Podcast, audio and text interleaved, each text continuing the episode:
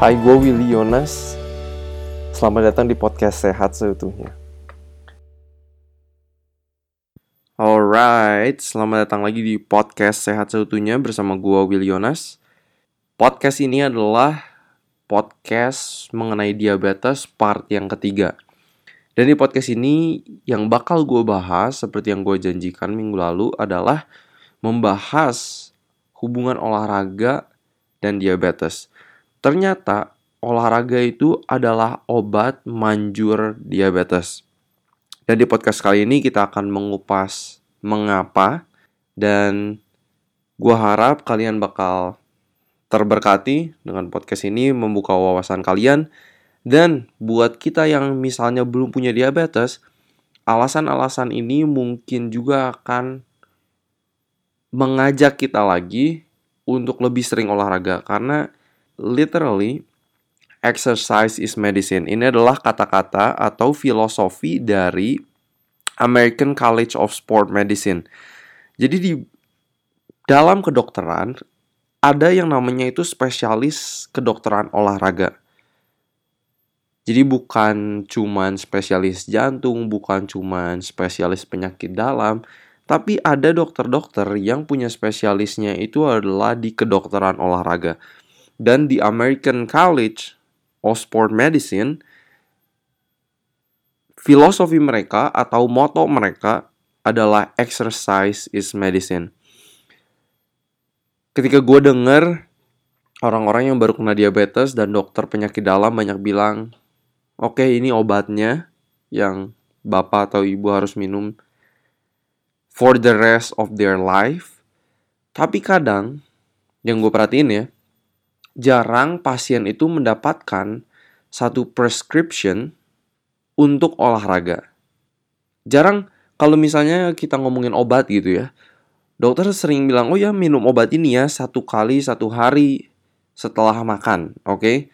Tapi jarang dokter yang nulis, yang memberikan prescription kepada pasien-pasiennya, oke, okay, Bapak Ibu harus jalan pagi satu kali satu hari untuk enam hari paling sedikit satu minggu. You know kadang kita juga yang sebagai pasien kalau misalnya kita sakit kadang oke okay, dokter bilang kita harus minum obat ini berapa kali kita ikutin. Tapi kadang kalau kita dikasih tahu kalau kita perlu olahraga 5 sampai 7 kali satu minggu, paling sedikit 30 menit, kadang sama kita itu nggak dilakuin. Kita tidak sesetia dengan memakan obat. Tapi ingat sekali lagi teman-teman, American College of Sport Medicine, filosofi mereka adalah exercise is medicine. Dan inilah yang bakal kita kupas, bahwa olahraga juga adalah obat. Nah, di pembahasan diabetes sebelumnya kita udah bikin solid foundation. Kalau masalah dari diabetes adalah lemak. Lemak yang ada di sel-sel otot dan sel-sel hati. Itu yang disebut intramyocellular lipid. Jadi di otot-otot itu banyak lemaknya di dalamnya. Tapi di antara sel-sel otot yang namanya intermuscular lipid itu juga nyambung dengan diabetes, dengan insulin resistance, dan itu juga nyambung banget sama diabetes. Jadi sel lemak di dalam sel otot dan sel hat dan organ hati kalian dan juga lemak-lemak yang ada di antara sel otot kalian. Nah ini ada ada satu penelitian dipublish di The American Journal of Clinical Nutrition. Ini tahun 2000. Tapi menarik sekali mereka itu nge-scan otot paha dari orang yang langsing dan gemuk. Dan jelas banget di scan ini kalau terlihat orang yang kelebihan berat badan itu cenderung memiliki lemak-lemak di antara dan di dalam sel otot. Dan ini terbukti banget dari hasil scan. Dan ini ada juga penelitian yang lain dari Korea ini dan baru dipublikasikan itu tahun 2017. Jadi baru tiga tahun lalu. Mereka juga melihat ternyata orang-orang yang punya diabetes itu nomor satu kecenderungan punya lemak di dalam tubuh mereka secara keseluruhan lebih tinggi daripada orang yang gak punya diabetes. Lemak di bagian perutnya juga lebih banyak dibandingin orang yang gak punya diabetes. Dan orang-orang yang punya diabetes juga lebih banyak lemaknya di otot tangan mereka dibandingkan dengan orang yang gak diabetes. Jadi cukup menarik. Orang-orang yang punya diabetes bisa punya lemak-lemak di otot paha, ada di otot tangan, dan bisa di otot mana saja di tubuh kita. Nah ini yang cukup menarik ya. Nah ini, ini yang bakal kita bahas juga bahwa kalau kita olahraga, kita itu harus juga latih otot-otot major atau otot-otot yang besar. Jadi nggak bisa kita cuman kayak latihan kaki aja tapi otot tangannya nggak dilatih. Karena ternyata orang-orang yang diabetes juga yang di penelitian di Korea orang-orang diabetes juga memiliki lemak yang lebih di otot tangan mereka. Mungkin kalau buat para perempuan yang gak pengen punya gelambir gitu kan itu ada lemaknya juga bukan cuman ototnya nggak kurang dilatih aja tapi ternyata itu juga bisa banyak lemaknya. Jadi hati-hati juga. So gimana sih atau seberapa efektif sih exercise atau olahraga untuk orang-orang yang diabetes? Gue mau mention satu penelitian. Jadi ini ada 62 orang dewasa mereka dibagi jadi dua grup. Yang satu grup itu mereka harus melakukan high intensity progressive exercise. Jadi olahraga yang intens, intensitasnya tinggi, tapi itu progresif karena mereka itu dituntun ya pelan-pelan. Jadi nggak langsung yang nggak pernah olahraga tiba-tiba langsung olahraga dengan intensitas yang tinggi. Grupnya satu lagi mereka nggak olahraga dan 62 orang dewasa ini mereka punya diabetes semua. Selama 4 bulan mereka melakukan ini. Ada yang olahraga, ada yang enggak. Orang-orang diabetes ini menarik sekali. Dalam 4 bulan, di penelitian ini by the way mereka nggak ngubah pola makan. Karena dalam penelitian kadang mereka benar-benar mau fokus sama satu hal, olahraga aja, supaya mereka bisa lihat apa sih efek olahraga. Jadi bukan kombinasi antara pola makan dan olahraga. Nah, setelah 4 bulan, grup orang yang di high intensity progressive exercise HbA1c mereka turun dari 8,7 ke 7,6. HbA1c kalau kalian masih ingat di podcast yang sebelumnya itu adalah tes untuk mengetahui gula darah 3 bulan ke belakang. Ya, jadi kita nggak bisa cheat uh, pas mau ketemu dokter baru makan sehat-sehat. Tapi itu dari tes HbA1c ini terlihat gula darah mereka untuk tiga bulan ke belakang. So, orang yang olahraga turun. Dengan kata lain, gula darah mereka itu turun dan lebih bagus. Nah, glycogen storage itu meningkat sebanyak 31%. Nah, apa itu glycogen? Glycogen ini adalah bentuk di mana glukosa itu di store atau disimpan di otot-otot kita. Itu sebagai cadangan energi yang kita punya kalau kita lagi puasa, kalau kita lagi olahraga, glikogen ini itu dipakai. Dan orang-orang yang exercise, glycogen storage-nya itu meningkat 31%. Dengan kata lain, sel-sel otot ini lemak-lemaknya sudah mulai hilang dan akhirnya glukosa itu bisa masuk ke sel otot, akhirnya bisa di store jadi glikogen. Keren gak sih? Exercise 4 bulan ya. Kalau dibandingkan dengan orang grup yang tidak olahraga sama sekali, mereka tidak mengalami perubahan di HbA1c mereka dan glycogen storage mereka malah menurun 20-31%. Dengan kata lain, lemak di sel otot mereka itu kemungkinan lebih banyak dan gula itu tetap nggak bisa masuk, makanya glycogen storage mereka itu turun 23%. Dan yang kerennya lagi, di grup yang high intensity progressive exercise, 72% dari mereka itu mengurangi penggunaan obat. Sedangkan di grup yang tidak olahraga, cuman 3% yang mengurangi penggunaan obat dan 42% itu meningkatkan penggunaan obat di grup yang tidak olahraga sama sekali. Jadi kalau misalnya orang-orang yang di grup olahraga 72% dari mereka bisa mengurangi dosis obat dengan hanya berolahraga. Bukankah ini yang diinginkan oleh para penderita diabetes? Kalau udah bisa turun dosis obat aja itu udah udah bagus banget ya. They are going to the right direction, oke? Okay? Nah, kayak mungkin ada yang bertanya kan, kayak wah tapi kan itu empat bulan ya, maksudnya kayak wah olahraga empat bulan, kadang kita udah pesimis duluan, bisa nggak ya olahraga terus selama empat bulan ke depan? Bisa nggak sih kita ngelihat efeknya terhadap gula darah buat orang yang diabetes dalam satu kali olahraga.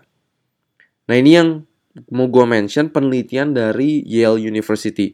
Kalau kalian tertarik untuk mempelajari diabetes lebih dalam lagi untuk baca research, gue sangat sarankan penelitian-penelitian dari Yale University yang dilakukan oleh K.F. Peterson. Gue sempat ketemu dengan beliau di salah satu konferensi nutrisi di Amerika.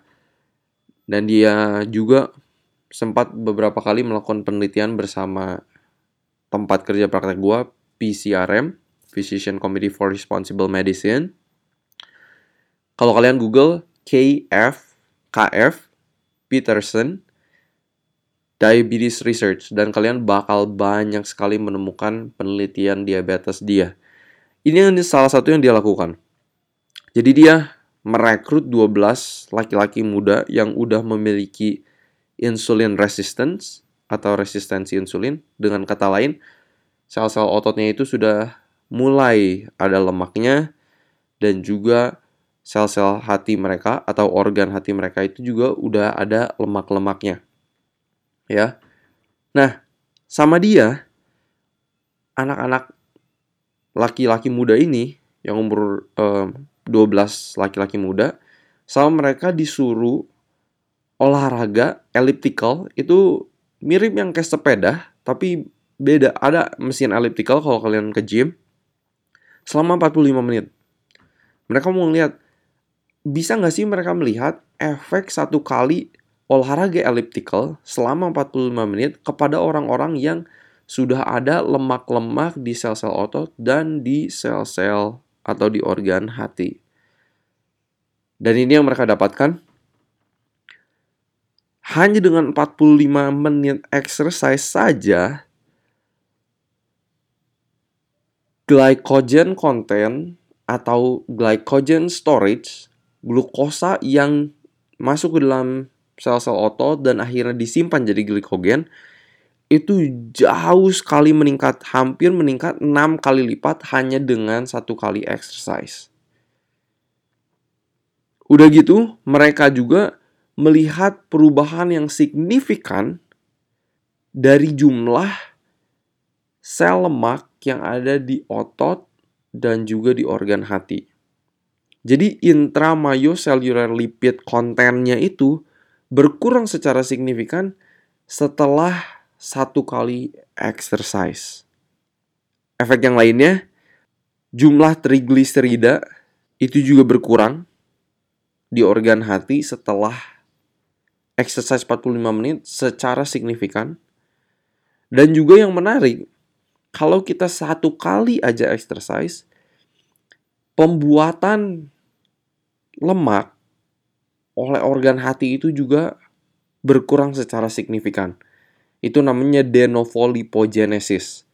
Pembuatan lemak oleh organ liver atau organ hati kita itu juga berkurang secara signifikan dalam satu kali exercise.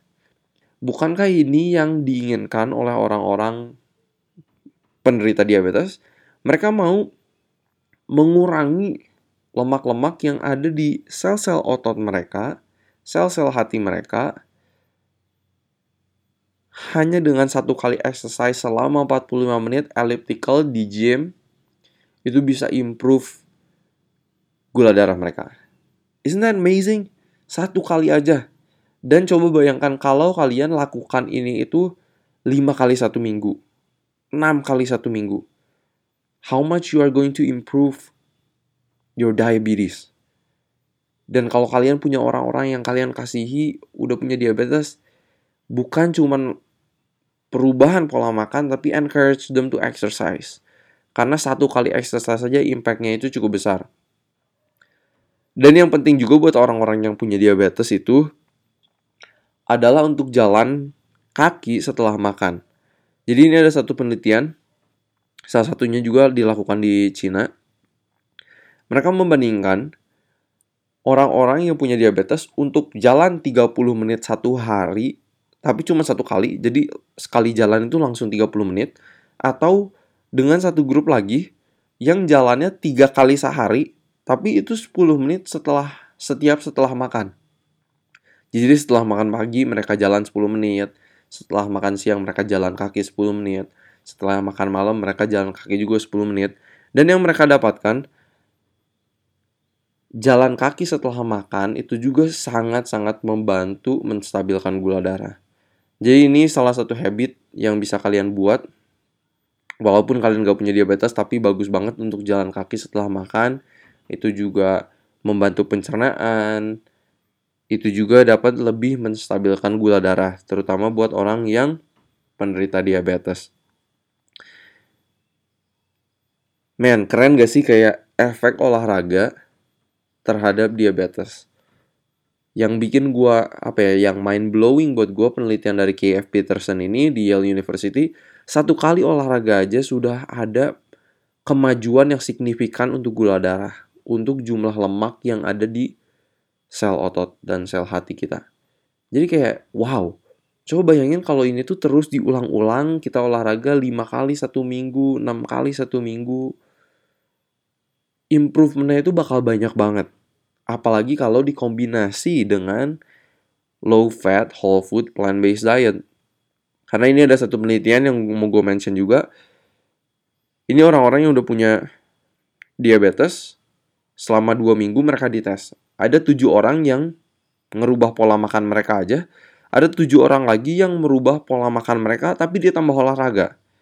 Ya, mereka melihat hanya dalam dua minggu intramyocellular lipid, jumlah sel lemak yang ada di otot dan organ hati mereka itu berkurang 19%.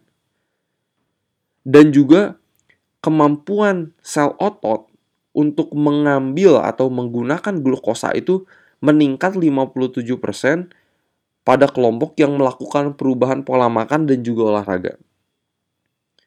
Ini mind blowing lagi buat gua karena ini tuh cuma dalam dua minggu. Kayak improvementnya tuh banyak banget hanya di dalam dua minggu. Kalau emang kita willing untuk berubah pola makan kita, hindarin semua yang berlemak, minyak-minyak, dan makan whole food plant-based diet, ditambah olahraga. Ini penelitiannya itu dipublikasikan di The Journal of Clinical Endocrinology and Metabolism.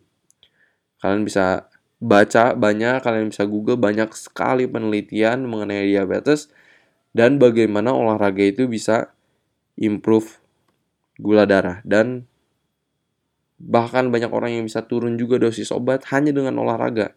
Tapi kalau ditambah dengan kombinasi makan, perubahan pola makan itu adalah yang paling maksimal. Oke, nah sekarang yang mau gue bahas, terus gue harus olahraga kayak apa? Ya kan? Apa misalnya gue harus lari? Apa gue misalnya harus berenang? Apa gue harus sepedahan? Apa gue harus bikin member gym? Ya kan?